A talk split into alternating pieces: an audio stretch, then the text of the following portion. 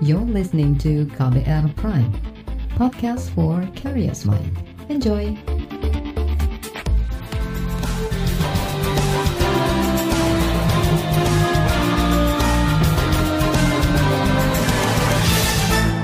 Halo saudara, senang sekali kami bisa menyapa Anda kembali dalam program KBR Sore edisi Senin 4 Januari 2021.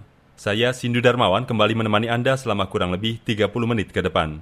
Sore ini kita membahas rencana pemerintah melakukan vaksinasi COVID-19 pada satu atau dua pekan mendatang.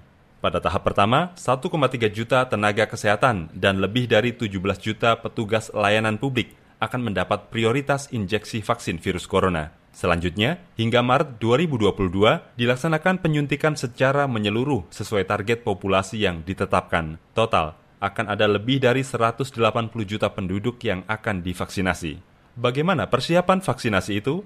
Mampukah pemerintah melaksanakan vaksinasi ke seluruh sumber daya manusia, fasilitas layanan kesehatan, dan petugas layanan publik hingga ke wilayah 3T atau tertinggal, terdepan, dan terluar? Saudara, pemerintah menargetkan penyuntikan vaksin COVID-19 kepada 70 persen penduduk atau lebih dari 180 juta orang selama 15 bulan mendatang. Jumlah itu dinilai cukup untuk membentuk herd immunity atau kekebalan kelompok.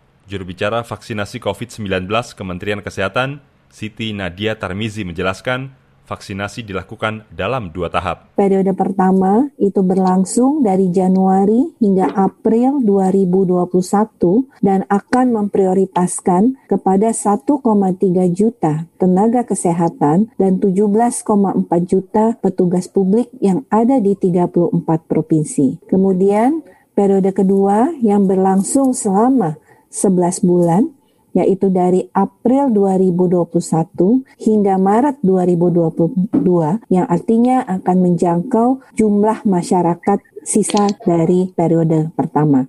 Jadi eh, kita ketahui bahwa pelaksanaan vaksinasi ini akan membutuhkan waktu 15 bulan yang akan berlangsung dalam dua periode. Uh, hal ini juga sekaligus kami ingin mengklarifikasi terkait beberapa pemberitaan yang muncul sebelumnya bahwa uh, dibutuhkan waktu tiga setengah tahun untuk merampungkan vaksinasi di Indonesia. Uh, kami sampaikan, adapun yang dimaksud Bapak Menteri dengan waktu tiga setengah tahun itu adalah proyeksi penyelesaian vaksinasi untuk seluruh dunia.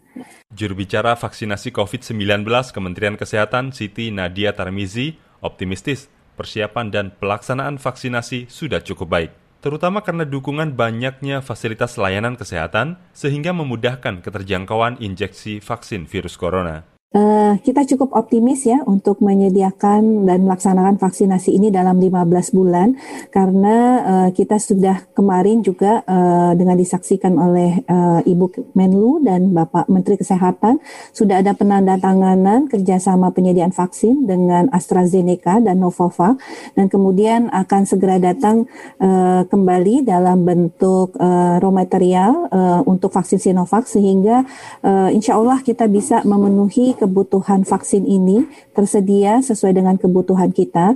Dan tentu pelaksanaannya uh, seperti yang sudah kita rencanakan kita akan uh, lakukan secara bertahap. Dan kita memiliki jumlah fasilitas pelayanan kesehatan yang cukup ya. Kita punya uh, 13.000 puskesmas dengan hampir 2.500 uh, rumah sakit serta didukung dengan 49 kantor kesehatan pelabuhan. Yang ini akan menjadi tentunya fasiankes yang akan memberikan pelayanan vaksinasi kepada uh, seluruh sasaran sebanyak 181,5 juta.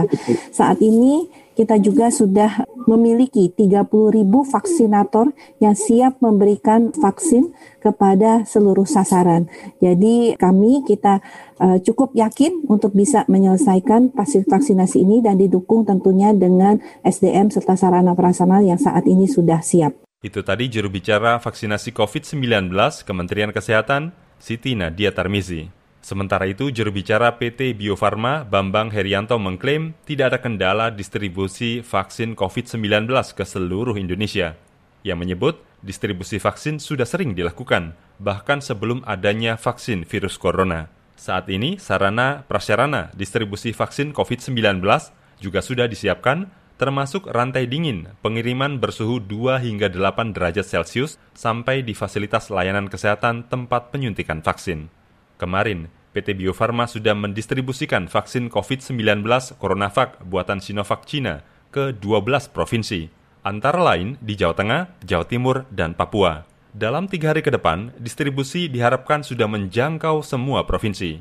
Injeksi vaksin akan dimulai setelah Badan Pengawas Obat dan Makanan BPOM menerbitkan izin penggunaan darurat. Di bagian berikutnya kita akan simak laporan khas KBR mengenai tenaga kesehatan menanti vaksin COVID-19. Simak usai jeda nanti, tetaplah di KBR Sore. You're listening to KBR Pride, podcast for curious mind. Enjoy!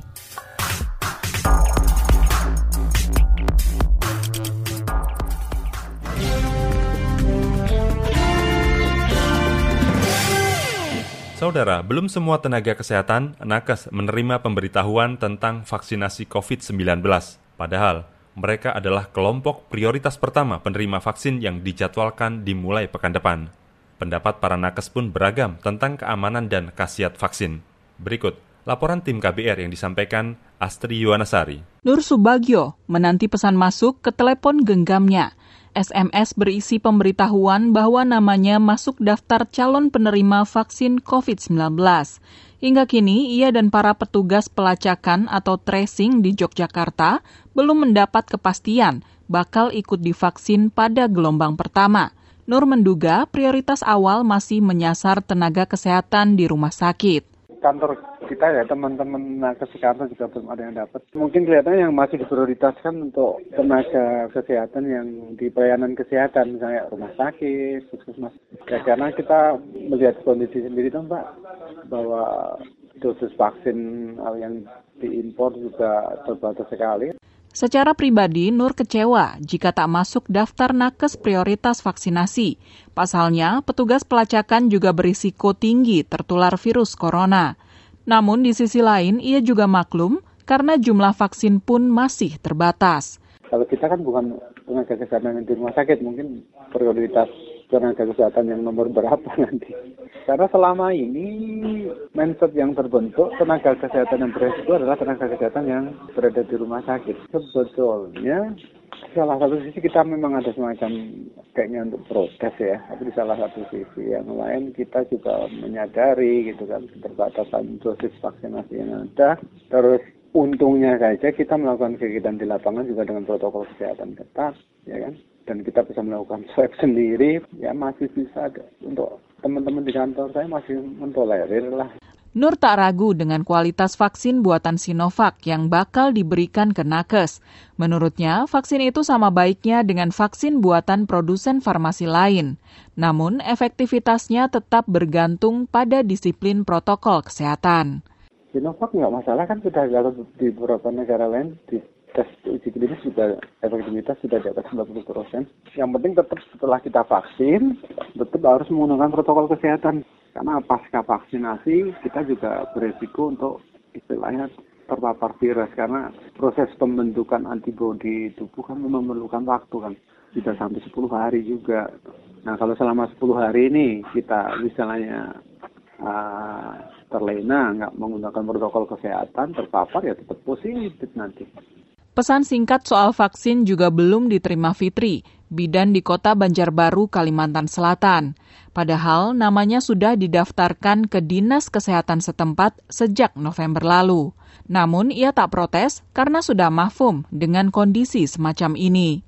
Dari kemarin ya nggak ada sih. Terus aku nanya sama temen-temen juga kan yang di puskesmas nggak ada juga. Nggak kaget sih sebenarnya karena ya namanya tinggal di daerah kan emang gitu kayak misalnya apa aja pasti duluan yang pusat dulu nanti penyakit itu berapa minggu kemudian baru udah biasa sebenarnya Meski siap divaksin, masih terselip rasa khawatir di benak Fitri tentang aspek keamanannya.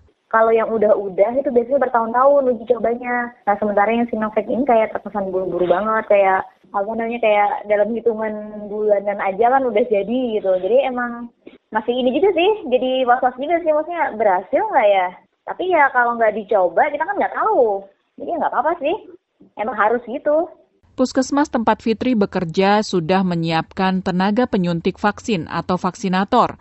Pemberian vaksin tidak hanya dipusatkan di puskesmas, tetapi petugas juga akan langsung turun ke masyarakat. Udah ada yang dipilih gitu, ada timnya. Bagian emang mereka bagian ini sih perawat yang imunisasi sih. Kayaknya sih eh, nggak uh, cuma di puskesmas, tapi lebih kita yang turun ke masyarakat atau untuk ke pos bindu kayaknya sih gitu kemarin yang dari diskusi singkat Berbeda dengan Nur dan Fitri, Rizky sudah menerima SMS soal vaksin sejak 1 Januari lalu. Radiografer di salah satu rumah sakit rujukan di Purwokerto, Jawa Tengah ini siap divaksin karena yakin dengan keamanan dan kemanjurannya. Kalau dari saya sih kan vaksin kan mesti sudah diuji coba ya mbak dari sana penelitian-penelitian sebelumnya. Itu kan mesti sudah aman lah, sudah lolos kan. Kalau mau sudah diuji coba langsung ke banyak orang. Saya mau aja sih mbak. Kata Rizky, rumah sakit tempatnya bekerja sudah melakukan pendataan lanjutan terhadap nakes calon penerima vaksin. Namun, mereka belum mendapat informasi tentang jadwal dan mekanisme vaksinasi. Kalau kapan dan bagaimananya dari pihak rumah sakit sih belum ada mbak. Tapi kemarin kalau saya lihat berita sih kalau daerah ini kan daerah Banyumas ini. Ini sudah ada katanya tanggal gelombang pertama itu dua-dua tapi nggak tahu juga sih kalau rumah sakit ini mau kapan. Demikian laporan tim KBR, saya Astri Yuwanasari. Di bagian berikutnya, kita hubungi Perhimpunan Rumah Sakit Seluruh Indonesia Persi untuk mengetahui respons dan kesiapan pengelola rumah sakit terkait rencana vaksinasi COVID-19 tahap pertama. Wawancara dengan Persi akan kami hadirkan sesaat lagi. Tetaplah di KBR Sore. You're listening to KBR Pride, podcast for curious mind. Enjoy!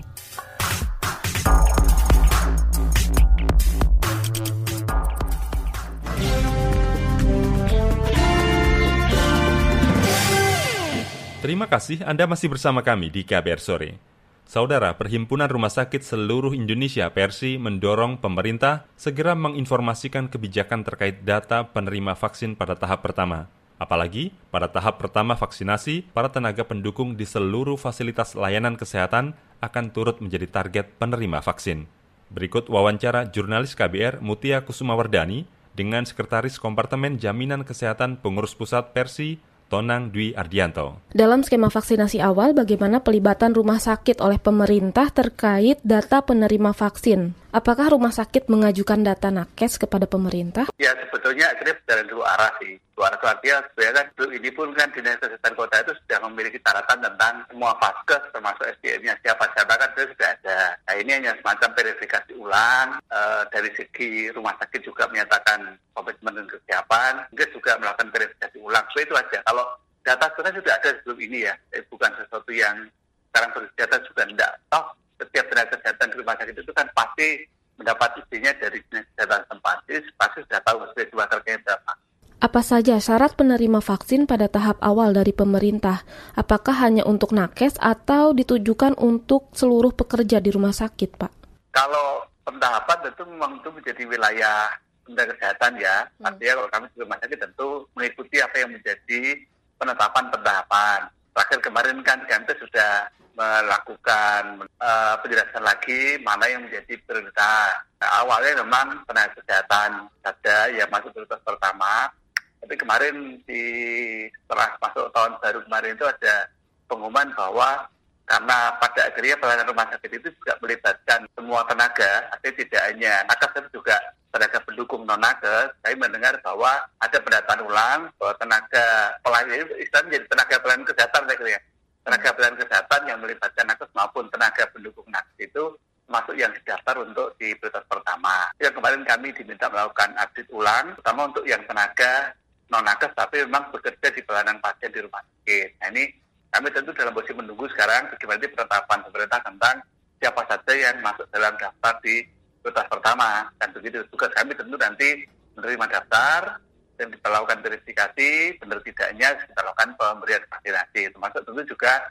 kan ada beberapa ada meja-meja ini dalam pasal itu kan nanti ada meja pendaftaran, ada meja ini memverifikasi secara administrasi, ada lagi meja yang untuk memverifikasi dari kondisi kondisi medis misalkan katakanlah apakah ada komorbid, apakah ada alergi, ya itu kan nanti termasuk yang kita lakukan penyaringan dulu. Nanti masuk di meja berikutnya memang untuk pemberian vaksinnya. Demikian. Bagaimana usulan dari Persi agar data penerima vaksin itu tepat sasaran dan sesuai dengan stok dari pemerintah?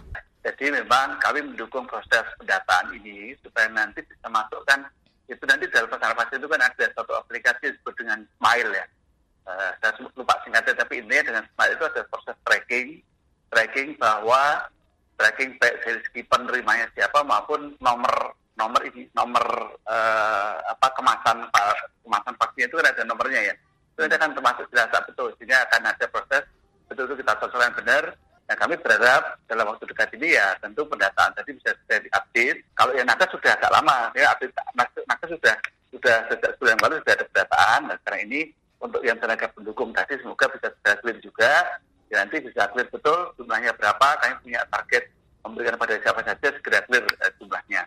Jadi kita harapkan nanti tidak terjadi di lapangan kan kemudian dia merasa lusa kok nggak masuk lah ini kan yeah. untuk kami sebagai pelaksana kan tidak bisa berbuat apa-apa kalau itu kan itu tadi pengurus pusat perhimpunan rumah sakit seluruh Indonesia Persi Tonang Dwi Ardianto di bagian selanjutnya kita akan simak pendapat epidemiolog Universitas Indonesia terkait upaya pemerintah menciptakan herd immunity atau kekebalan kelompok terhadap COVID-19. Wawancaranya akan kami hadirkan sesaat lagi. Tetaplah di KBR Sore. You're listening to KBR Pride, podcast for curious mind. Enjoy!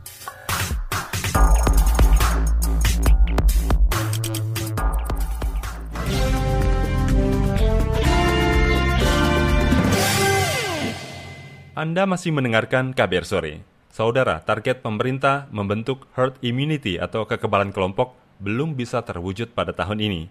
Sebab pelaksanaan vaksinasi COVID-19 kepada 70% penduduk Indonesia baru akan selesai pada Maret 2022. Dibutuhkan lebih dari 400 juta dosis vaksin untuk menciptakan kekebalan kelompok. Vaksin itu selain diproduksi sendiri, juga akan didapatkan dari hasil kerjasama dengan sejumlah produsen, seperti Sinovac, AstraZeneca, dan Novavax. Saat ini, Indonesia baru memiliki 3 juta dosis vaksin CoronaVac buatan Sinovac. Berikut wawancara jurnalis KBR Siti Sadidahafia dengan Ketua Departemen Epidemiologi Universitas Indonesia, Triunis Miko. Bagaimana teknisnya herd immunity ini dapat terbentuk? Apa hal-hal yang perlu diperhatikan oleh pemerintah dan tenaga medis pemberi vaksin, serta penerima vaksin itu sendiri agar herd immunity-nya terpenuhi? Akibat vaksinasi itu belum tahu kita ya, apakah satu tahun, apakah dua tahun, apakah tiga tahun. Oleh karena itu, pemerintah jangan tergesa-gesa tahun ini. Uh, tahun ini saya yakin kita tidak bisa herd immunity, baru akan mengvaksinasi berapa juta orang lah, puluhan juta lah, belum ratusan juta tahun ini. Nah, kemudian kita nggak tahu efeknya, efek imunitasnya akan tahan berapa lama saya duga itu satu sampai tiga tahun. Artinya imunitas jangka pendek. Kalau itu kurang dari dua tahun lah, itu benar-benar harus dirancang kemudian. Jadi tahun depan itu setelah vaksinasi dilakukan, kemudian yang studi uh, fase tiga itu yang di Bandung itu dilakukan pemeriksaan satu tahunnya begitu.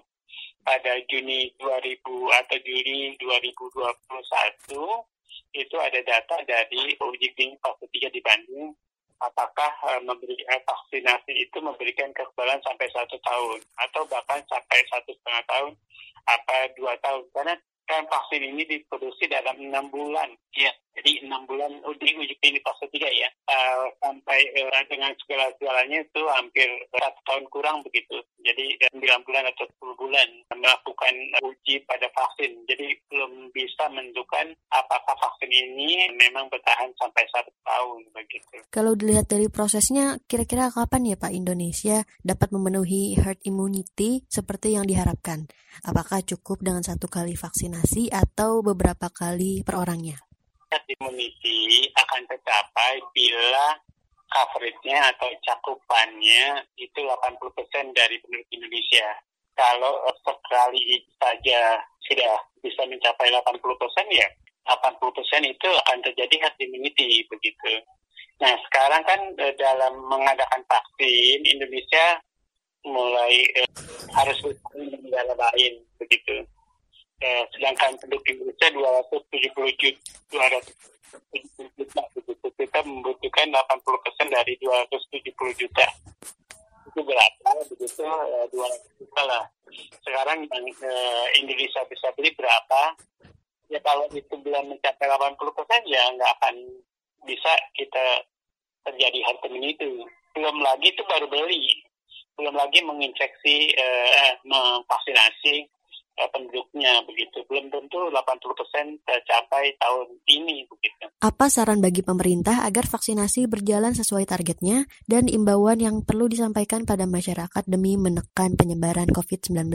Satu hal, walaupun tidak bisa mengabaikan, kalau vaksin itu terbatas, maka vaksin itu diberikan pada yang kasus COVID-nya banyak. Agar bisa, tambahan kasusnya bisa ditahan serendah-rendahnya begitu. Ya, kalau ada tambahan lagi, boleh diberikan pada kabupaten kota atau provinsi yang kasusnya sedikit itu buat pemerintah. Jadi roadmap-nya atau jalan panjang perencanaan vaksinasi COVID-19 itu benar-benar harus ditata dengan baik. Ke, kemudian pengadaan vaksinnya juga ditata dengan baik. Kemudian pengaturannya, rantai dinginnya, kemudian petugasnya memang harus benar-benar ditata dengan baik. Nah, bagi masyarakat seharusnya mau divaksinasi demi bangsa ini. Harusnya MUI mengeluarkan bahwa vaksin ini mau halal, mau haram kayak dihalalkan demi bangsa. Kalau nggak dihalalkan demi bangsa, ya bangsa Indonesia nggak akan pernah keluar dari COVID-19. Itu tadi Ketua Departemen Epidemiologi Universitas Indonesia, Tri Yunis Miko Wahyono. Wawancara tadi mengakhiri perjumpaan kita di program KBR Sore, edisi Senin 4 Januari 2021. Pantau selalu informasi terbaru melalui situs kbr.id, Twitter kami di akun @beritaKBR, serta podcast di alamat kbrprime.id. Jangan lupa untuk tetap mematuhi protokol kesehatan dengan 3M, memakai masker, menjaga jarak, dan mencuci tangan dengan sabun.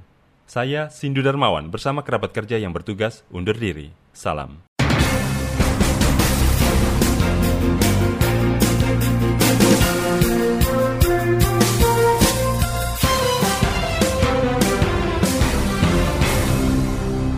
KBR Prime, cara asik mendengar berita. KBR Prime, podcast for curious mind.